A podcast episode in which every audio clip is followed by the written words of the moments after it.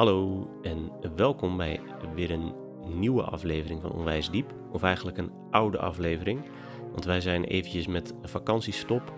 En daarom publiceren we wat opnames uit de oude doos eh, die we nog niet eerder hebben gepubliceerd. Veel luisterplezier.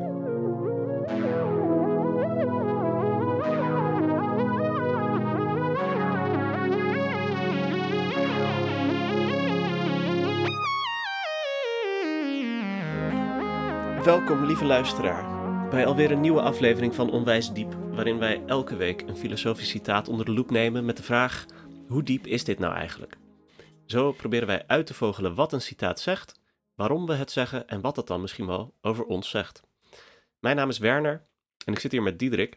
Hallo. Goedemorgen. En vandaag gaan we het hebben over bacon.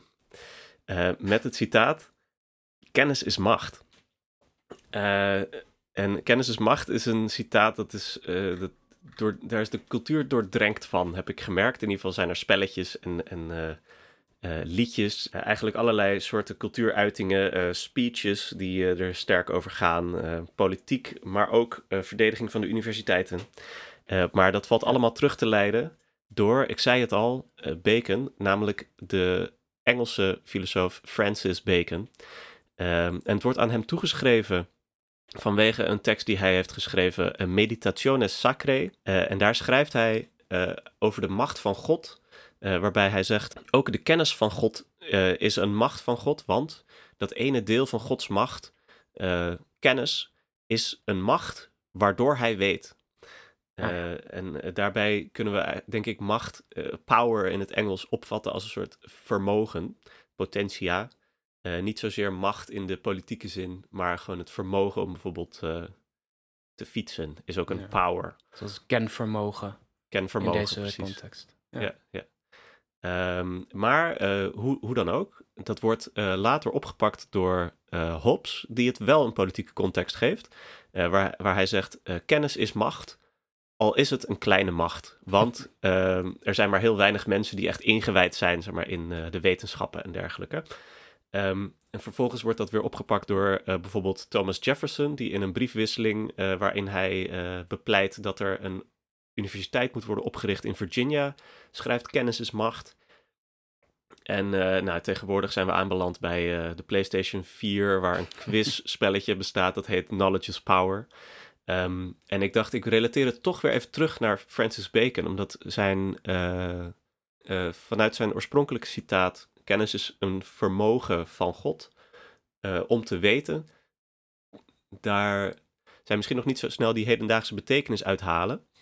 Uh, maar het is ook niet zo heel gek dat het citaat wordt toegeschreven aan Francis Bacon, ook met de betekenis die we nu hebben. En dat komt eigenlijk door een andere tekst, namelijk uh, zijn tekst In Praise of Human Knowledge, waar hij het, het volgende zegt. Waar volgens mij ook uit blijkt, waar volgens mij de hedendaagse betekenis ook duidelijk uit blijkt. Uh, waarin hij zegt: De drukpers, het kanon, het kompas. Welke veranderingen hebben deze drie niet teweeggebracht? De eerste in de stand van de wetenschap, de tweede in die van de oorlog, de derde in die van de financiën, handel en scheepvaart. En deze drie, zo beweer ik, uh, heeft men slechts bij toeval en struikelend ontdekt. De soevereiniteit van de mens ligt dus in het weten. Daarin liggen tal van zaken opgeslagen die koningen met al hun rijkdommen niet kunnen kopen. Nu nog, uh, en dat is dus een oproep om onze kennis op de natuur af te stemmen, nu nog beheersen wij de natuur slechts in onze gedachten en zijn wij onderworpen aan haar dwang. Zouden wij ons echter door haar bij het uitvinden laten leiden, dan zouden we met ons handelen over haar gebieden. Uh, oh. En wat, uh, wat daar interessant is, is dat hij kennis en, en uitvinden een beetje aan elkaar verbindt. Dat hij zegt uitvindingen doen, daarmee kunnen we over de natuur gebieden. Uh, en dat is, uh, in die zin is kennis macht. Ik denk dat dat... Uh... Ja, het is heel duidelijk hier wordt het gelinkt aan technologie. En ik denk dat het ook best wel een intuïtieve benadering is, waar veel mensen aan denken. Wanneer ze denken, weet je, wanneer ze denken aan vooruitgang. Weet je wel, onze, ja. we hebben zoveel kennis ontwikkeld en meestal denken mensen dan aan heel concrete ja, bijvoorbeeld uh, gewoon uitvindingen inderdaad, ook, ook medisch die onze wereld hebben veranderd of ja. problemen voor ons hebben opgelost of zo. Ja, uh, ja. ja langer leven, sneller communiceren uh, ja. of reizen. En, Oké, okay. Eh, dus de, eh, even dat om een soort van context te geven. Ik denk dat we er nu wel een beetje warm voor zijn geworden. Mhm. Eh, wat zijn onze eerste gedachten bij kennis is macht, eh, Diederik? Ja, het is een beetje wat je al zei eh, over hoe het verspreid is in onze cultuur. Eh, ik, ik associeer het zowel met, eh, ook, met heel verschillende politieke eh, standpunten. Je kan denken echt meer aan de, de Machiave- eh, Machiavellian, hoe noem je dat? De Machiavelliaanse boef in een, in een film of in bijvoorbeeld Game of Thrones. Die zegt, kennis is macht en daarom moeten we... ehm, de, de, de macht moet je zoveel mogelijk kennis over je vijand vergaren, zodat je, zodat je macht over hem kunt, eh, kunt hebben. Zodat jij altijd in het voordeel bent. Ja, gezegd. strategisch voordeel heb je dan. Strategisch voordeel, precies. Ja. Het is dan ook het, eh, volgens mij de leus van een van de huizen eh, van de, de, de families in Game of Thrones. Knowledge is Ah. power. Ehm, of dat las ik op Wikipedia. En wat ik ook op Wikipedia las, is dat het door een heel andere groep, de Piratenpartij, wordt gebruikt. Juist eh, als punt um, dat kennis meer verspreid moet zijn. eh, weet je, kennis moet gedemocratiseerd worden, want kennis is macht. Daarom, weet je, een beetje de droom van het internet in de, in de ehm, onschuldige vroege jaren 2000. Van ehm, eh, nu zal iedereen toegang hebben tot kennis en daarom zal het volk meer macht hebben en zal er minder oligarchie en allemaal van dat soort eh, toestanden eh, zijn. Dat ze allemaal afbrokkelen. Juist. Dat Ja, is ja. duidelijk. eh, nou, we zitten vast nog in het proces. Ja, ja, maar die hebben inderdaad wel een beetje dezelfde opvatting dan van kennis is macht. Namelijk, het geeft je een bepaald soort voordeel over een ander. En de ene zegt, het is goed als ik als koning dat voordeel heb. En de ander zegt, het is goed als het volk weerstand kan bieden tegen het mogelijke voordeel dat zo'n Precies. zo'n koning dan heeft. Ja. ja. Ja. Ik, ik heb een veel dommere eerste associatie bij, bij dit citaat. Namelijk ehm, een soort meme die eh, rondging eh, van een jongen die vroeger altijd had gehoord... als je knowledge is power zegt... dat had zijn vader, zei dan altijd... knowledge is power, Francis Bacon. Ehm, waardoor hij eh, dacht dat Frankrijk was gemaakt van spek. Eh, en eh, dat hij al die tijd dacht, oh ja, Francis Bacon. Kon je dan zeggen tegen mensen die hij tegenkwam. En die zeiden ah ja, knowledge is power. Of als iemand zei knowledge is power, dat hij dan kon zeggen Francis Bacon. Ehm, Right. En nooit begrepen wat het betekende totdat hij het een keer ergens opgeschreven zag staan. vele jaren later. Maar dat is wel mooi. Het, het- je, je- het- je gaat je wel afvragen hoeveel van onze wijsheden per ongeluk zo zijn ontstaan. ja, ja, ja. en dat iemand iets overleefde en, en dat daarna, de, weet je wel, 500 jaar later zitten er de historici van... ehm, "Maar wat bedoelden ze nou? Ja, ja. ja. ja, mooi. Eh, ja, en mijn tweede gedachte eigenlijk, dus dat is dan even een soort de domme eerste associatie. En de tweede gedachte was, volgens mij wordt het nog best wel een uitdaging om dit gesprek goed te voeren. Omdat het echt zo'n kort citaat is, waar toch twee hele moeilijke woorden in zitten, die we ook nog met elkaar in verband moeten brengen. Ja. Dus kennis kan je heel veel over zeggen, macht kan je heel veel over zeggen. En dat is, moeten we ook nog heel veel over zeggen. Dus ik hoop dat we het een beetje eh, onder controle kunnen houden, eh, zo gezegd. Eh, Maar we hebben er goed over nagedacht en die kennis geeft ons de controle over dit gesprek, zoals dat, Dat- altijd gaat. eh, gaat zien. ja, wie weet. Ja, dat zal blijken. Ongemakkelijke grinnik. Eh. Anyway. Ja, oké. Nou goed, laten we beginnen dan. Ehm, en ik denk, eh, het doel dat ik een beetje voor ogen heb, is dat ik eh, ook, ook wel wil weten, niet alleen maar wat het citaat betekent, maar ook wat soort de aantrekkingskracht van dit citaat eigenlijk hedendaags is. Wat is nou de reden waarom mensen dat zeggen? Zoals wij in ons intro-praatje altijd zeggen van, waarom zeggen we het en wat zegt dat dan eigenlijk over ons? Ehm, bijvoorbeeld dat wij eh, nerds zijn of zo, als wij dit, eh, dit eh, wetenschappers die zichzelf verheerlijken over dat zij super belangrijk zijn of zo. Ja. Ik ben benieuwd of we daarop uit kunnen komen. Maar goed, dat is allemaal heel ambitieus. Te beginnen dan bij kennis. Diederik, Kennis. take it Ehm, away. Ja, eh, kennis is dat wat geweten wordt, zegt, eh, zegt Wikipedia. Het zegt Ja, zelfs, kennis is... ja, nee, dat doe ik graag voor je. Wikipedia doet dat graag voor ons. Wikipedia zegt, kennis is dat wat geweten wordt, wat geleerd is en opgeslagen... en dat, wat, eh, en dat waar een individu inzicht in heeft. Ehm, doe ermee wat je wil. kennis blijft natuurlijk een beetje cryptisch, maar het heeft in ieder geval... ehm, we hebben hier een paar woorden. weten, leren, opslaan en inzicht. Dat zijn wel een beetje clues. Ja, dat denk ik ook wel. Um, misschien als we het hebben over opslaan, om, om ergens te beginnen. Um, met kennis kun je natuurlijk denken aan boeken, aan bibliotheken en aan um, het internet. Ja.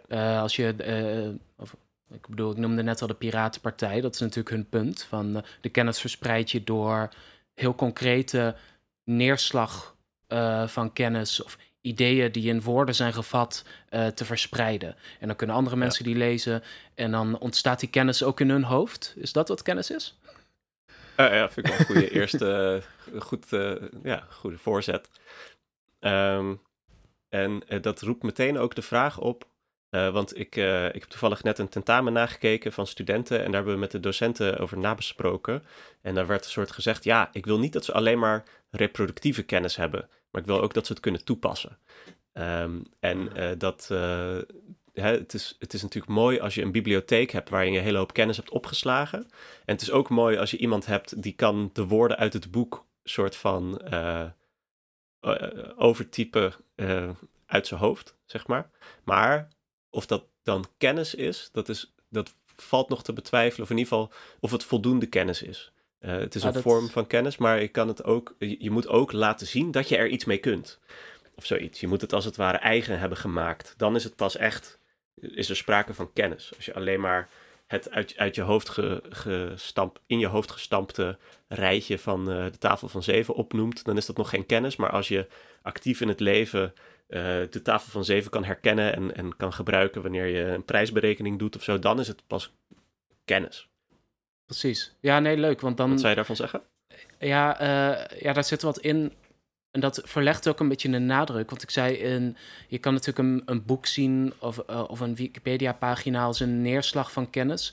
Uh, maar je kan ook zo'n soort onderscheid maken binnen ons, eigenlijk binnen onze geest. Even vanuitgaande dat we een, een geest hebben waarin dingen zitten. Waarin je een passief deel hebt en een actief deel. Dus je hebt ook in je hm. eigen hoofd misschien een soort. Uh, je hebt dingen die je op kunt dreunen. Um, of dingen die je kunt herinneren dat ze in een boek stonden. Maar als je dan aan iemand moet uitleggen wat dat betekent, dan ontdek je misschien of je, uh, zoals, zoals je net zei, of je, um, uh, of je het je eigen hebt gemaakt. En ja. of, of, je het kunt activeren en of je er echt iets mee kan. Of dat het een puur, ja, een soort passieve entry is in je, eh, in je in, interne bibliotheek. Ja. Um, het, uh, het, is, het, het, de model is natuurlijk een beetje statisch, maar ik, ik, in mijn dagelijks leven heb ik wel vaak het gevoel dat het een beetje zo werkt. weet je wel, dat je van die laadjes hebt en, en, en, en sommige dingen, um, sommige kennis ben je zo gewend om toe te passen dat je het niet eens meer opvat als, dat je het niet eens meer begrijpt als kennis. Um, namelijk bijvoorbeeld hoe je dingen moet gebruiken. Uh, kennis. Fietsen hoe je, of zo. Fietsen, koken, dat ga je gewoon ja, doen. En daarvoor hoef je geen piloot, die weet dat Precies. al. Ja, ja, ja. Um, en dat mag ook wel kennis. Ja, misschien, misschien uh, dat is misschien de grap. Dat is wat ik uh, denk ik wil zeggen. Uh, bij kennis denk ik in de eerste plaats aan bibliotheken en passieve informatie. Maar ja. waarschijnlijk de meest relevante dingen die we kennis zouden moeten noemen, zijn eigenlijk meer dat waar je niet zo over nadenkt. Weet je, waar de meeste dingen, de meeste situaties waarin je kennis ja. toepast, uh, daarbij hoef je geen laadje open te trekken bewust van, oh ja, hoe zat het ook weer? Hoe stond het ook weer in het boek? Of um, uh, met die tussenstap. Ja, ja precies. Maar um, toch zou je ook wel weer zeggen, ja, je wil op een bepaalde manier zeggen, ik heb activeerbare kennis als het ware, die, die ik met, altijd overal met me meedraag. Het vermogen om te fietsen enzovoort. Maar ik zou ook wel zeggen dat ik uh, bijvoorbeeld een bepaald gerecht, dat ik weet hoe ik dat moet maken. Ook al weet ik niet precies in mijn hoofd hoe ik het moet hebben, maar ik weet dat ik thuis het boek heb staan waar het, het recept in staat.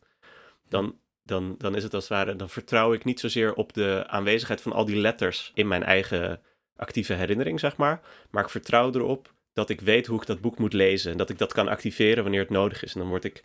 Uh, als natural cyborg, we hadden het in de voorbespreking wel even over, word ik als het ware deel van een netwerk van activeerbare informatie die zich heus niet alleen maar in mijn brein hoeft te bevinden, maar bijvoorbeeld ook in de bibliotheek.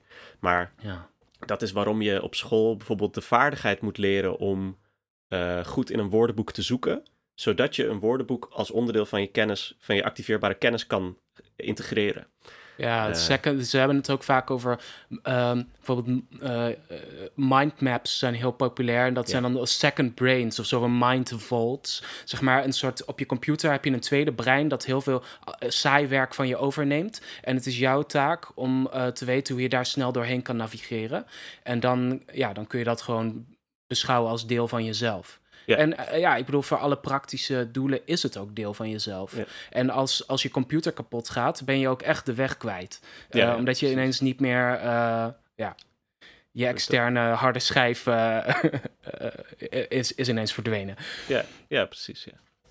Ja. Oké. Is dat het soort kennis waar, waar Francis Bacon het over heeft? Of de, onze, zeg maar, de theoretische Francis Bacon, die, eh, die dit, die kennis is macht heeft gezegd? Is dat het soort kennis, zegt die kennis is macht van het, het vermogen, het activeerbare vermogen om te fietsen bijvoorbeeld is macht? Of heeft hij het over een ander soort kennis? Moeten we dan Ehm, denken aan die bibliotheek? Of, of, of nog iets ja, anders? ik denk misschien. eh, je kan misschien ook denken aan de, de aan methode. Eh, Als je denkt aan wetenschap en de wetenschappelijke methode, is ehm, dat het ook kennis is over hoe je meer kennis kunt genereren. Ehm, En, ehm, eh, want dat is ook een kritiek die je heeft op, eh, zeg maar, dat citaatje dat je eerder voorlas. Van voorheen waren vooruitgang, wa- waren ontwikkelingen in de kennis heel onregelmatig, omdat mensen niet wisten hoe ze dat efficiënt constant vast moesten houden. Maar eh, met de nieuwe we- natuurwetenschappelijke methode kun je ehm, consequenter kennis genereren. En dat wil Ja. zeggen technologische vooruitgangen. eh, en die zijn dan weer gebaseerd op jouw kennis van hoe de natuur in elkaar zit. Dat is waar die vooral aan denkt, volgens mij. Eh, dus natuurwetenschap.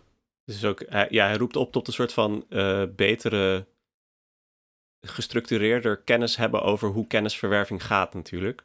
Ja. Ehm, ja, dat klopt natuurlijk wel. Eh, ik zit net te, denken, ehm, moet het in een individu zitten? Dat, dat, dat al dan niet sluimerende vermogen om iets te kunnen, eh, eh, hoe zeg je dat?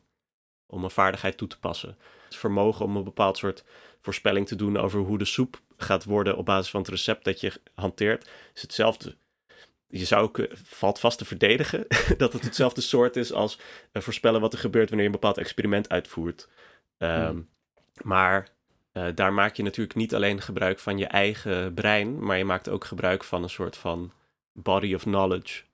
Eh, en en eh, labmedewerkers en, en, en daarmee wordt het gezamenlijke project van wetenschappers met elkaar ook.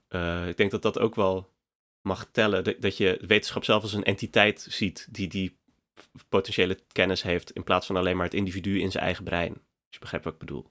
Ja, een soort gemeenschappelijke, Ja. een, een kennisgemeenschap. En ik denk, ik zou dat wel een beetje begrijpen in het verlengde van waar we het net over hadden. Dat je dan aan de ene kant de boeken hebt en aan de andere kant weet hoe je die boeken moet gebruiken. En dan het daar heb je een hele praktijk omheen van een gemeenschap. Een gemeenschap heeft bepaalde boeken, weet je wel, de, de BINAS of weet ik veel. Ja, ja, ja, Alles waar al die kennis in opgeslagen ligt. Maar, eh, eh, eh, en je wordt erin opgeleid hoe je die moet gebruiken. En daardoor ontstaat dan zo'n soort de wetenschap, de, de wetenschapsgemeenschap, eh, waarbij ook bepaalde conventies gelden over hoe je meer kennis moet genereren, welke regels je aan moet houden eh, binnen Ja. die gemeenschap. Dus eh, ja, dan, en dan zit je ook een beetje aan iets. Deels is dat ook, kun je dat denk ik al wel cultureel noemen. Maar dan loop ik misschien. eh, Oh, sure. Ja, de- dan wordt kennis in ieder geval wel iets wat niet alleen maar iets is wat je je moet toe-eigenen, maar ook iets waar je in moet worden ingewijd op de een of andere manier. Waar je Ja. een soort van door, door andere mensen moet worden goedgekeurd, dat jij ook deel bijdraagt aan de kennisgemeenschap of zoiets. Ja, en van daaruit natuurlijk ook dat dit citaat ook wordt ge- opgevat als een pleidooi, of wordt gebruikt in pleidooien voor educatie. Want Ja. uiteindelijk educatie is inwijding, onderwijs is inwijding van kijk, dit, dit is hoe we dingen doen, of dit Ja. is hoe wij kennen, hoe wij Ja. begrijpen. En dan eh, leer dat ook, want dan kun je erbij horen. Leuk. Ehm, Oké. Ik denk, eh, daar kunnen we nu even een, eh, een pauze op indrukken. ja. Oké, zullen we naar macht? Ja. Waar, waar denken we aan bij macht? Nou ja, ik heb, uh, ik heb van jou geleerd dat macht het vermogen is om anderen je wil op te leggen. nee, jij, jij, noemt dat als... Dat zeg uh, jij nu alleen maar omdat ik dat aan jou heb opgelegd natuurlijk. Maar. Precies. jij hebt mij jouw wil opgelegd en jouw wil leiden. kennis. Het Ja, ja. voorlezen van deze definitie. Ehm, waarmee elke... eh, ja, jij noemde volgens mij dat dat ehm, eh, in, eh, vaak als beginstelling wordt gebruikt in filosofie eh, over macht. Ja. Omdat vervolgens dan... Dus eh, even eh, voor de luisteraar, het vermogen om anderen je wil op te leggen. Daarmee kun je mooi beginnen om vervolgens te kijken wat er allemaal op af te dingen valt. Of, of wat, de, wat een soort van de lastige woorden in die zin zijn. Dus Ja. bijvoorbeeld het vermogen, eh, je wil, wat is de rol van de wil? En wat is opleggen dan precies? Ja. Ehm, dat zijn natuurlijk een allemaal filosofische vragen die daarbij horen. Mhm. Ehm, Ja, je zou kunnen zeggen, macht, dat, dat associeer ik snel met, eh, zeg maar, een koning. Die, eh, als je Game of Thrones noemt of zo, dan is macht gewoon een koning. En die wijst als het ware naar eh, een arme boer. En dan pakken zijn soldaten die arme boer op. Want, weet ik veel, die had niet genoeg oogst geleverd of zo. En die wordt dan zijn hoofd afgehakt. Verzin maar iets.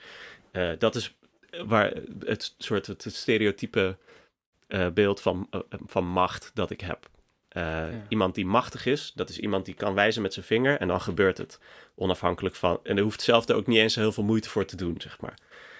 Je Ja. kan macht misschien nog associëren met eh, een machtige strijder of zo. Iemand die, zo'n vent met zo'n grote bijl, die dan in zo'n film als eh, Troy naar voren stapt eh, uit het leger. En dan een soort eh, Goliath-achtig figuur die dan eh, twee keer zo groot is als alle anderen. En ook heel veel sterker. En dan is het een machtige strijder. Dat wordt wel gezegd. Ja. Iemand die een soort, soort status inboezemt of zo. En, en, en sterker is dan jij. ja, dat is dan een beetje eigenlijk de, hoe macht verschijnt voor ons in de wereld van... eh, eh, macht zie je in ehm, mensen die zich doen gelden of zo. Het is dan ook wel logisch om daarbij de wil te noemen. Die willen Hm. iets en, ehm, en macht is blijkbaar dat wat maakt dat anderen vervolgens ook bijvoorbeeld doen wat, zij, wat, wat degene met de macht wil. Ja. Of dat bijvoorbeeld maakt dat andere mensen bang zijn om tegen iemand in te gaan. Als je Ja. denkt aan die Goliath, die, weet je wel, die twee meter eh, eh, lange eh, eh, krijger. ehm, daar ontstaat met, meteen ruimte omheen, omdat iedereen denkt, oh, daar, ik ga wel Ja. even naar een ander stukje van het slagveld. ja, die boezemt meteen een soort van angst of respect in of zo. Maar met een koning heb je natuurlijk minder dat, dat idee van deze persoon gaat mij in de pan hakken, maar wel een vorm van respect voor de autoriteit van iemand of zo. En ook als we het bij macht hebben over, zeg maar, politiek Den Haag, dan hebben ze het allemaal over hoge heren in hun pakken enzovoort. Niet omdat die daardoor zo machtig zijn, maar dat is wel, het heeft ook iets met status of zo te maken, met, met, met dat iemand eh, de boel moet besturen. Klopt. En Maar niet, ook- ja, dat hoeft dan niet per se naar eigen wil te zijn misschien. Nee, dat, dat wilde ik ook zeggen. Ehm, als je denkt aan vermogen, en dat kwam eerder ook met kennis een beetje eh, tevoorschijn. Aan de ene kant hebben we zo'n associatie van dat dat dan iets individueels is dat je hebt. In dit geval, macht is een vermogen dat jij hebt. Maar als je dan kijkt naar die situaties of die voorbeelden van waarvan we zeggen hier is iemand machtig, dan merk je ook dat die macht niet zo. eh, die macht wordt meer gedragen door dat systeem waar die deel van uitmaakt. De koning heeft macht evenveel doordat zijn soldaten allemaal eh, hij een bepaalde verhouding of relatie heeft met zijn soldaten of met de mensen die de belasting innen en met de. eh, eh, hij is deel van een hele orde. Dus macht wordt dan ook iets meer een. ehm, kun je dan beter begrijpen, misschien als een systeem, dan een, een, een kracht. Weet je wel, iets dat in deze persoon zit. Als een soort, weet je wel, ik heb Ja. één machtseenheid en jij hebt er geen. En, dan, en daarom kan ik doen wat ik wil en jij niet. Dat is een beetje een, ehm, om maar te zeggen, dat is denk ik te simplistisch. Meestal als je dan gaat inzoomen op de situaties van machtige figuren, ook de hoge heren in Den Haag, al- als je dat analyseert, kom je al snel uit bij eh, iets als, oh nee, maar het is meer het systeem eh, Ja. waardoor zij macht hebben. Ja, het is de positie in het systeem die de Ja. macht heeft. En zij zijn slechts de, de invullers daarvan of zo, de bekleders Ja. van het ambt. Eh, ja, dan hoeft het inderdaad niet over wil te gaan. Maar er is nog steeds wel iemand die als het ware coördineert of zo. Toch? Ik weet niet of het dan Eh, nog macht heet. Ja, maar je kan wel. ehm, je kan een kennisgemeenschap hebben, kun je ook een machtsgemeenschap hebben. Bijvoorbeeld, dit is de heersende klasse en die onderling. En die hebben meer macht ten opzichte van een andere groep. We hebben het dan niet, denk ik, over een soort van duistere elite in de schaduwen met plannetjes die om Superman te vermoorden. Of wat is het uh, tegenwoordig? Een uh, kabaal van uh, kinderbloed drinkende reptiele mensen. Precies. dat, ik bedoel, dan denken we nog steeds aan macht in, in termen van een persoon. die een bepaalde bedoeling heeft, die dan op de een of andere manier tot uiting komt in de wereld. De moderne opvatting van macht is in ieder geval niet meer aan de wil van een persoon gebonden. Tenzij je dus heel archaïs uh, uh, denkt over een bepaalde geheime elite of zo, die dan toch stiekem wel eigenlijk de wil heeft. Maar als je kijkt naar mensen, mm. ook machtige mensen zijn, zijn duidelijk niet mensen die een wil hebben die ze opleggen aan de werkelijkheid of zo. Ja, omdat die ook, je kan hen ook weer begrijpen als functies of symptomen zelfs van een van een verdeling van macht die iets minder grijpbaar is. Wat zijn dan andere manieren om naar macht te kijken, behalve als, als het niet aan een persoon toekomt? Um, ja, een, dus daar, ik noemde net geloof ik al het woord systeem. Uh, je, kan er, je kan het meer zien als een, een uh, uh, ja, macht snappen als een krachtenveld. Bijvoorbeeld misschien ook het, het, het beeld van ik ben een speelbal van het lot. Bijvoorbeeld het universum is een soort systeem waarin uh, macht verdeeld is. En um, ik uh, ben onderhevig aan al die machten. Uh, zo van, ik heb een, bepaalde, een bepaald type macht en het is meer de relaties tussen mij en de omgeving waar ik ben of de andere uh, personen waartussen ik ben. En het is meer de, um, mijn plek bijvoorbeeld tussen andere personen of, of in, in, um, in de natuurlijke orde, uh, die bepaalt ja, toch hoeveel ik kan, hoeveel voor mij mogelijk is. Daar kom ik dan wel gauw op uit. Uh, ja, wat mijn opties zijn of zo. Ja, ja je, kan wel, je kan het wel een soort voorstellen als zeg maar tektonische platen of zo, die allemaal op elkaar ja. induwen ja, soort macht op elkaar uitoefenen. In ieder geval invloed op elkaar uitoefenen en elkaar beïnvloeden in hun vorm. En uh, allemaal alleen maar de vorm hebben die ze hebben door de structuur van de anderen om ze heen enzovoort. Dus je, jij kan zeggen, ik ben vrij en ik ben machtig over mijn privésfeer bijvoorbeeld. Omdat ik doe wat ik wil. Maar wat jij doet is uiteindelijk toch gewoon dezelfde kleren kopen als iedereen. Je zegt dan, ik doe dat uit vrije wil. Maar die wil, die is natuurlijk ook wel weer uh, ontstaat uit een afstemming op een groter geheel, wat eigenlijk voor een heel groot deel bepaalt wat die wil dan in gaat houden. Zeg maar, consumentengedrag wordt heel bewust gecreëerd. Ja. Dus wat jij wil wordt geproduceerd door een systeem. Um, en misschien andere partijen binnen dat systeem die denken: het zou leuk zijn als mensen dit willen. Laten we er zorgen dat, dat we het willen. Ja. Misschien niet zo bewust, maar wel. Ja. Uh, ja, ja. ja, ja. dan ga je van woorden als ideologie en zo gebruiken. Ideologie is een soort van wat, uh, waarbuiten jij nooit kan kijken over welke mogelijkheden jij hebt.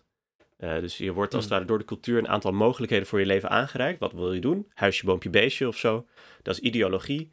Uh, want je kan eigenlijk niet bedenken hoe het anders zou zijn, of hoe het radicaal anders zou zijn. Dat heeft macht over jou dan, ja, ideologie. Ja, precies, of die, ja. die, heeft, die beheerst jou, zeg je dan. Of, of in ieder geval op bepaalde manieren be, uh, maakt, het, maakt hij het voor jou mogelijk om te denken. En op andere manieren beperkt hij of bepaalt hij hoe jij ja, beperkt hij ook hoe jij kan denken. Mm -hmm. um, en en uh, geeft je een bepaald instrumentarium van... oké, okay, dit, zijn de, dit zijn de opties. Uh, begin hier maar mee. Yeah. En dan moet jij vervolgens heel erg je best doen... om je daarin los te wrikken als dat al, uh, als dat al mogelijk is. Ja, en, um, en als dat al...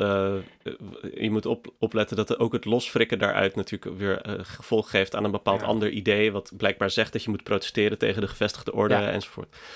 Uh, en hoe je dat dan al dan niet zou moeten doen. Uh, ook allemaal te consumeren uh, manieren om dat te doen, uiteindelijk. niet om, om al te hopeloos te klinken. maar. Werner heeft de pessimistische bui, jongens. Trek je niks van aan. nee. Hey, maar nou, misschien een goed punt om te vragen: is dit de macht waar, waarin kennis is macht, waar het over gaat? Hebben we het dan over uh. Ik denk toch dat we wel meer aan die persoonsmacht moeten denken, toch? Het vermogen. Ik, ik tenminste het citaat. Uh, als ik het citaat hoor, denk ik toch wel vooral aan kennis geeft je een vermogen om te doen wat je wil. Of omdat hij dat ook toelicht van om bijvoorbeeld de, natuur te onderwerpen. Uh, kennis geeft je um, meer dan dat kennis jou beheerst, uh, geeft kennis jou, is kennis een middel voor jou om andere dingen te beheersen. Hm. Ik heb het gevoel dat dat meer uit het citaat spreekt dan dat ehm, kennis uh, jou beheerst. Een beetje dat, want dat, dat zou het idee van de ideologie zijn waar we het net over Ja. hadden, toch? Ja, ja, ja. klopt. Ja, in ieder geval is het ideaal van Bacon is natuurlijk eh, dat wij zelf met onze wil dat aan de natuur kunnen opleggen. Ja. Ik denk wel dat hij dat... eh, hij zegt ook, de soevereiniteit van de mens ligt in het weten. In dat langere citaat dat ik voorlas. Dan gaat het over soevereiniteit. Dat klinkt als iets als zelfstandigheid of macht. Is dus soevereiniteit is in ieder geval wat de koning heeft in, in zijn tijd. Eh, dat is de soeverein. De- hij is degene die bepaalt wat er gebeurt en iedereen moet daar gehoor aan geven. Ehm, Right. Oké, ja. En laten we dan inderdaad dat laatste woordje is eh, bespreken. En laten we dat een soort eh, eh, mogelijkheid geven om ook te bedenken, klopt dat dan? Eh, want hoe, Ja. hoe Bacon het opschrijft, kennis is macht. Kennis, dat zeggen we dus, ehm, de sluimerende weten wat je moet doen. Of weten wat er gebeurt als je iets doet. Dat vermogen als individu of als kennisgemeenschap geeft ons macht in de zin dat we daarmee de natuur onze wil kunnen opleggen. Eh, is kennis macht? Dus, Ja, dat is, dat is geinig. want mijn, ik denk voor, voor mij, ik denk voor de meeste mensen, intuïtief denk je, lees je dit al als kennis geeft macht, kennis schept macht. Eh, maar kennis is macht kun je natuurlijk ook iets letterlijker opvatten. Ehm, en, en dan wordt het heel ingewikkeld. ja, laten we eerst het makkelijke ding Ehm, doen misschien. Laten we eerst een makkelijke ding doen. Daar hebben we natuurlijk ook al wel iets over gezegd. Maar ehm, ja, in de eerste plaats dus kennis geeft macht. Eh, dat wil dan zo... Of tenminste, ik denk dan bijvoorbeeld aan... ehm, als, je een, als je iemand een boek geeft, dan... eh, Dan weet hij hoe hij die soep die moet zich maken. ja, Dat precies. Dan dus kan macht daarmee over dingen de doen in de ingrediënten om daar eh, vervolgens controle over uit te oefenen. Ja, misschien dat is heel. Dan, eh, ik denk eerder dat geeft je een soort van de know-how om om te gaan met, om te weten hoe je, hoe je ingrediënten, hoe je, eh, hoe je groenten moet behandelen. Ja, ja, ja. ja. en hoe ze reageren op wat je zult doen. En bijvoorbeeld dat je weet wat er gebeurt eh, tussen een groente en kokend water. Dus eh, bijvoorbeeld een kookboek kan jou het vermogen geven om. ehm, ja, enerzijds ja, om dus te weten wat er zal gebeuren als je, Ja. als je verschillende dingen met die groenten Ja. doet. En dat je dus, het, er zit een aspect van voorspellen in. Ja. En dat geeft je het vermogen om gewoon er niet meer over na te denken en ehm, iets praktisch te doen in, te- in de wereld. En eten voor jezelf te maken. Of, eh, Nou, het geeft, je, ja, het geeft je een soort overzicht van de mogelijke gevolgen van wat jij doet. En daardoor kun je als het ware met wat jij doet weer vervolgens een keuze maken, jouw wil opleggen aan de werkelijkheid. Omdat jij weet wat de werkelijkheid gaat doen wanneer jij een bepaald, eh, bepaalde gedrag vertoont. Toch? Dat is het idee. Ja. Eh, ik denk bij werkelijkheid nu alleen nog maar aan een wortel. ja. En dat jij jouw wil kan opleggen aan die wortel. Maar Oké, en eh, maar is dat dan zo? Is het dan zo dat eh, kennis je altijd macht geeft op de een of andere manier? Want ik zou zeggen dat er, ik heb intuïtief het idee dat er heel veel kennis is die je niet zoveel macht geeft. Eigenlijk van het soort wat Hobbes aan het begin zei van ja, kennis is wel macht, maar het is niet zoveel macht. Want je kan heel veel weten over, dit, over de oorsprong van dit speciale woord in het Indo-Europees. Eh, en dat geeft je dan niet macht. Behalve dat je er misschien indruk mee kan maken op feestjes of zo. Dat je dan. Maar ja. Ja, het is wel grappig, want je kan inderdaad, je hebt een soort, er zit een, een redenering verborgen, eh, die gebaseerd is denk ik op een waarheid, namelijk dat eh, ehm, als het je aan kennis ontbreekt, dan is het makkelijk voor anderen om jou te beheersen, of om macht over jou uit te oefenen. Dus zeg maar, onwetendheid eh, schept kwetsbaarheid, redenering, dus kennis eh, eh, hebben geeft jou meteen macht. Terwijl de vraag is of dat eigenlijk wel klopt. Bijvoorbeeld, ik weet heel veel over, weet je wel, ik heb het internet hier, hier voor me. Ehm, en ik weet ook heel veel over, over de trucjes die politiek worden uitgehaald. Maar kan ik daar vervolgens ook iets mee? Ik, ik zou niet echt zeggen dat ik daarmee. eh, en heel veel mensen weten dat overigens, niet, niet alleen ik. We hebben allemaal het internet en nieuws en zo. Ehm, Maar op het internet staat natuurlijk ook heel veel onzin. Uh, dus dan moet je een soort het vermogen hebben om zin van onzin te onderscheiden en zo. En daar is dan weer kennis nodig. En dat helpt je dan weer soort op de een of andere manier navigeren door het internet. Maar het, wat je zegt, uh, het is niet alsof, stel dat jij alles wist, of, je weet alles wat op het internet staat, want het is met een paar klikken bereikbaar. Um, uh, dat dat dan betekent dat jij kan bepalen waar het heen gaat met de wereldgeschiedenis of zo. Dat is natuurlijk niet zo. Ja. Nee, inderdaad, dat is inderdaad een. Uh, ja, toch misschien ook wel een beetje dan wat Hobbes daar zegt van macht is altijd beperkt en het is en het degelijke kennis is misschien ook heel moeilijk te verkrijgen en daarom zal die altijd beperkt zijn. Um, en dan heb ik het gewoon over beperkt. Bijvoorbeeld, je moet heel lang studeren uh, om op, op, een bepaald onderwerp om daar iets mee te kunnen. Of um, uh, ja, en daardoor is, is ook, zijn de mensen met bepaalde specifieke vormen van kennis, dat zijn meestal kleine groepjes. um, en dat houdt ook de macht altijd beperkt die daarvan uitgaat. Maar, maar ook die mensen die gestudeerd hebben op het Indo-Europees, dat was het voorbeeld dat ik net gaf. Um, betekent dat dan ook dat die op, op de een of andere manier macht hebben? Of is het echt een specifiek soort kennis waarvan je zegt dat het macht geeft? Zou je zeggen, ah, ja. uh, hij, heeft, uh, hij heeft de macht om op een feestje indruk te maken met een interessant feitje, zeg maar. Dat, dat vind ik een beetje ver gaan. En dan moet je ook nog weer de kennis hebben over hoe je zo'n grap brengt of zoiets. dat is dan eerder de kennis die macht geeft dan de kennis van het Indo-Europees. Maar even ik, het, het spijt me aan alle taalwetenschappers, maar het gewoon het eerste wat in mijn hoofd springt bij kennis die mooi is om de kennis, maar niet zozeer om, uh, de, om, om, het nut. sorry. Inderdaad, en dat is ook. ja, filosofie net zo goed. Luisteraars filosofie mee. net zo goed. Uh, nee, maar inderdaad, je kan misschien uh, je kan overwegen over verschillende soorten kennis zijn. Want dat, ook in het kader van het citaat Bacon denkt natuurlijk echt aan heel concrete toepasbare technologische vormen van kennis. Terwijl um, als je denkt aan, um, aan uh, uh, de kennis van het, nou ja, bijvoorbeeld de, de, historische taalkunde, is dat meestal meer. Ik bedoel, het is echte kennis, maar het geeft je niet zoveel mogelijkheden in. Nou, misschien geeft het je macht om bepaalde banen te krijgen en andere nee. niet. Uh, maar dat om anderen je wil op te leggen? Dat ik, dat ik met mijn kennis van de historische ehm, taalwetenschappen aan die sollicitatiecommissie ja. kan dwingen om mij aan te nemen. Dat is toch niet zo? Nee, inderdaad, toegegeven, dat is een misschien dwaalt dat af van wat we gangbaar onder macht verstaan. Uh, misschien moeten we dan inderdaad hier, moet ik hier duidelijk zeggen, macht is niet hetzelfde of niet, is niet equivalent aan mogelijkheden hebben of opties hebben. Zelfs al geeft macht, wanneer het er is, vaak mogelijkheden, kun je niet zeggen elke mogelijkheid is een vorm van macht. Of dat is misschien een filosofische vraag die, je aan die, we, die we aan de luisteraar kunnen geven. Um, ja, dus dan, dan kun je onderscheid maken tussen verschillende vormen van kennis, zei ik net. Dat is wel kennis waar je misschien niet zoveel macht van krijgt en kennis waarmee je wel, uh, die jou in staat stelt om dingen, om, een, om bepaalde objecten te beheersen, bijvoorbeeld de natuur of je wortels of uh, weet ik veel.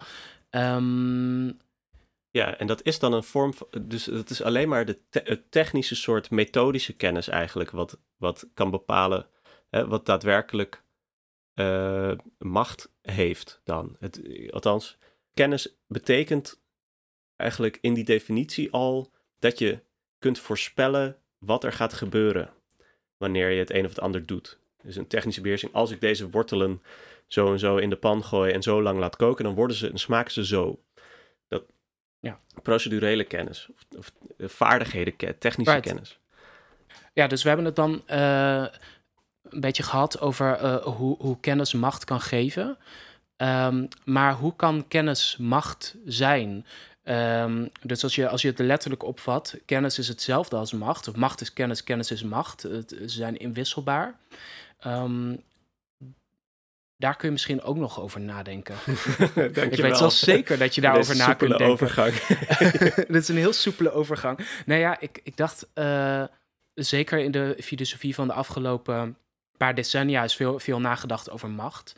Um, en ook een beetje terugdenkend aan wat we eerder uh, noemden over, over krachtenvelden, uh, macht van een systeem. Daarin wordt misschien het onderscheid tussen kennis en macht heel vaag. Misschien is kennis um, een vorm van macht. je kan bijvoorbeeld zeggen, ehm, eh, macht. En dan kun je denken ook aan de macht, bijvoorbeeld de overheid of de ideologie, het systeem waarin je leeft, bepaalt wat telt als kennis. Ja, ik heb het idee, als je zou zeggen eh, dat het equivalent is, dat die is van kennis is macht, dat dat een soort uh, equivalentie aangeeft, dat je dan ook zou moeten kunnen zeggen macht is kennis, of zo. Ja. Uh, en dan ga je inderdaad die, die Foucauldiaanse kant op van de macht bepaalt wat kennis is. dus wat als wetenschappelijk geldig geldt en zo. En, en die uh, filtert als het ware alle occulte, uh, alles wat wij nu pseudowetenschap en onzin en zo vinden. Dat is uh, niet pseudowetenschap en onzin omdat het geen echte kennis is, maar het is niet serieus te nemen kennis omdat het niet door de macht bepaald is dat dat inderdaad een manier is van, van kennisvergaring. Althans, Foucault die plaatst er heel veel nadruk op. En, en trouwens Horkheimer en Adorno geloof ik ook wel dat omdat die macht die Bacon beschrijft en die de verlichting uh, en de wetenschappelijke vooruitgang zo is gaan bepalen, uh, een vorm is van technische beheersing. Nou ja, dat, dat het niet zo gek is op basis van bijvoorbeeld de opkomst van het kapitalisme, dat de nadruk heel erg werd gelegd op het soort procedurele macht. Omdat er natuurlijk veel productie aan de gang is met de opkomst van de industrialisering en dergelijke. En dat dus het soort kennis waar we geïnteresseerd in zijn, is die soort kennis die um, uh, uh, efficiëntie bevordert, bijvoorbeeld. En dat is dan de, Ehm. de meest echte kennis. maar zogenaamde kennis, kennis die geen efficiëntie, die niet efficiënt is, die niet, niets toevoegt aan, aan die keten of aan die praktijken, telt ook als een mindere kennis. En dan kun je bijvoorbeeld meteen Ja. weer denken aan waarom we denken aan geesteswetenschappen als nutteloze kennis. Uh, Ja. Halve kennis. Is het wel kennis of is het gewoon gepraat? Uh, dat Ja. is een argument dat je wel eens hoort uit de hoek van de uh, mensen die zeggen: Nou, ga gewoon wat, wat nuttigs studeren. Van, Ja, precies. ik ben niet bitter hoor, maar gewoon. ja. ja, nou ja, inderdaad. Dus het soort kennis dat als het ware ehm, serie- echt, echt serieus genomen wordt, is vanwege, niet vanwege de, de waarheid van die kennis eh, of zo, maar vanwege de machtsstructuren die er zijn. Eh, dat is de empirische wetenschap. Ja. Omdat die ons in staat stelt om dingen te beheersen. En dat is wat de machtsverhoudingen of zo. eh, ja, het is niet helemaal. Ik, doe, ik doe nu heel kort door de bocht een soort laf Foucaultje. Ehm, eh, maar dat, ik weet niet, dat is in ieder geval hoe ik het soort heel kort zou samenvatten in het gesprek. in een half uur podcast mag dat best, vind ik. Ja. Nou ja, en, en dan, maar goed, dan moet je nog weer gaan nadenken als macht is kennis. En kennis wordt dan, zeg maar, het, het, het lichaam van wetenschap eh, dat bepaalt wat wel en niet serieus genomen wordt. Mhm. Dus de, de, de wetenschappelijke gemeenschap of zo. Dan moet je ook, ik weet niet of dat eh, al te radicaal is hoor, om te zeggen, maar dan ga je ook zeggen, ja, eh, de, de politiek gebruikt heel vaak de term wetenschappelijk onderzocht. En dat zie je ook trouwens in reclames en zo van allerlei eh, dermatologisch geteste zalfjes. Eh, er zit een, een bepaald aura aan wetenschappelijkheid, wat, wat impliceert dat je het echt moet doen. Ja, van, Eh, je zou gek zijn als je dit, als je dit niet voor je huid over had. Eh, want kijk hoe bewezen is dat dit product werkt. Weet je, wel. ja, wat betekent dat eigenlijk voor die uitspraak dan? Voor Ehm, kennis is macht. Ik zou zeggen dan, misschien wordt, eh, wordt de betekenis dan meer, of vat je dat dan meer op als de schijn van kennis geeft macht in een maatschappij waarin het idee van kennis heel erg wordt gewaardeerd. Ja, maar dat is inderdaad meer eh, de symbolische representatie van kennis. Ja. Doen alsof je, alsof het, overkomen alsof je iets weet, geeft je macht. Ja. Eh, dat is eh, fair enough. Ehm, ja, dat is wel grappig. Want dan wordt het weer ineens een heel interpersoonlijk soort psychologisch mechanisme eigenlijk. Eh, wat je dan weer heel goed zou kunnen helpen bij eh, op feestjes of bij jobinterviews of zo. Het mysterieuze aura van een eh, filosoof die eh, diep, in, eh, de eeuwigheid, de- diep in de eeuwigheid heeft gekeken en daar eh, zijn eh, algemene uitspraken uitdiept. Dat heeft mij nog nooit geholpen bij een sollicitatie. Maar, maar in een, in een, in Maar een ideale feestjes. wereld zou het wel, zou het wel zo werken. nee, ja, ehm, dus misschien. eh, kunnen we iets zeggen over wat we ervan vinden? Of we het ermee eens zijn en onder welke voorwaarden? Waar ik een beetje op uitkwam op basis van ons, van ons gesprek, is dat eh, als je zegt kennis is macht. Ik, ehm, ik ben het er nog steeds mee eens, maar ik heb wel geleerd, eh, volgens mij, of ik ben een beetje tot de voorlopige conclusie gekomen dat ehm, kennis, dat meer de afwezigheid van kennis je kwetsbaar maakt, eh, dan dat per se kennis je automatisch macht geeft. Ik ben het er wel mee eens dat, dat uh, het niet hebben van kennis of een, een, concentratie van kennis in een heel selecte groep, dat dat een kwetsbaarheid schept onder mensen die die kennis niet hebben. En in zoverre is kennis nauw verweven met macht uh, of machteloosheid.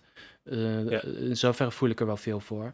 Um, ja. Ja, je zou eerder zeggen, niet kennis maakt machteloos dan kennis is macht. Ja, maar, en, en ik, maar ik vind het ook niet per se verkeerd om dat dan op deze manier samen te vatten. Want kennis is macht en dan mensen zelf het denkwerk daarover te laten doen. Um, Maar, want het, ja, uh, onwetendheid maakt machteloos. Dat is ook weer zo van, dat, ja, dat, dat, zet ik toch minder snel op mijn blog. Um, en, dat, en ons laatste punt vond ik eigenlijk nog weer een hele andere lezing waar ik het ook wel mee eens ben. Um, of een beetje dat idee van, oh ja, eigenlijk de schijn van kennis geeft ook macht in een, in een context waarin kennis wordt gewaardeerd als iets uh, belangrijks of uh, waar, waar, kennis autoriteit geeft. Ja. Um, uh, wat denk jij daarvan? Oké. ik denk dat ik het wel eens ben met jouw analyse. En ik wil er nog eentje aan toevoegen. Namelijk um, dat het citaat niet zozeer iets. ik lees hem dan niet als of het waar is of onwaar, of kennis macht geeft. Maar ik lees hem dan uh, als een citaat dat iets zegt over onze hedendaagse opvatting van kennis. Mm -hmm. uh, namelijk, het is pas kennis als het je uh, het vermogen geeft om iets te beheersen. Dus het, het is, eigenlijk is alleen de kennis die macht is, echte kennis, lijkt het te zeggen. Ja.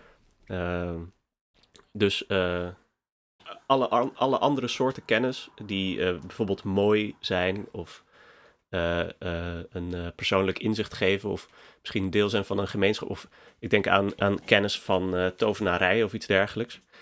Dat, ehm, dat telt niet als echte kennis, want het is pas kennis als het macht is. ik denk dat dat iets zegt over hoe we tegenwoordig over kennis nadenken.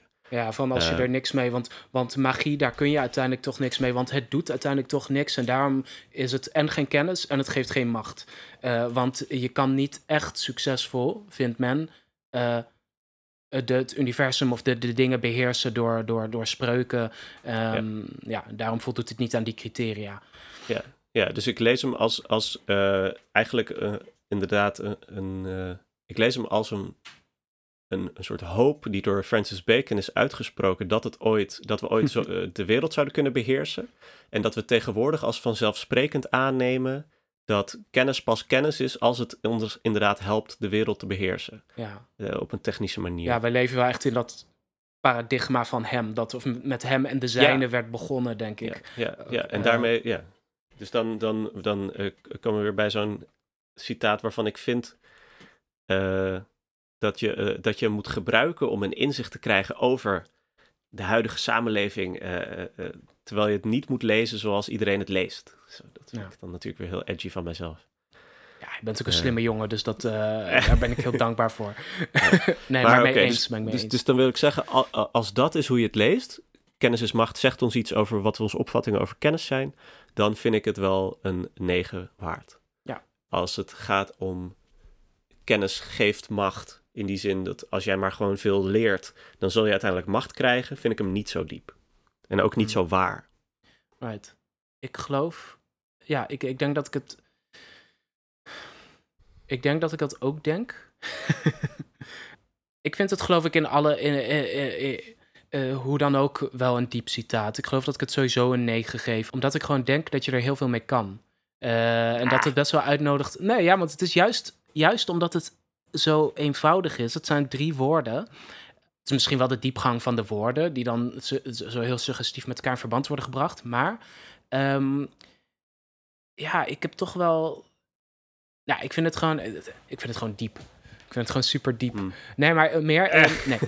Nou, ik Nog vind een dus, keer. eh, dat, ja, ja. Nee, maar ik vind dus dat als je het leest als een advies, in de zin van zorg dat je veel kennis hebt, Uh-huh. vanuit de gedachte dat als je veel kennis hebt, dan heb je macht, of dan kun je tegenmacht bieden aan iemand die jou probeert te manipuleren of iets dergelijks, dan vind ik het niet zo diep.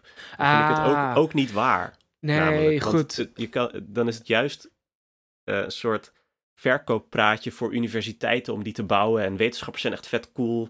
En dat staat dan eerder in dienst van de macht Ja. dan, eh, dan dat het je iets vertelt over eh, hoe je machtig kan worden of waar je vooruit moet kijken met Ja, macht. van eh, eh, kom naar onze universiteit, want kennis is macht. Je moet wel heel veel betalen, waardoor je de rest van je leven een, schuld hebt. Ehm, en, en dan zit je, ben je dus eigenlijk dan- gewoon...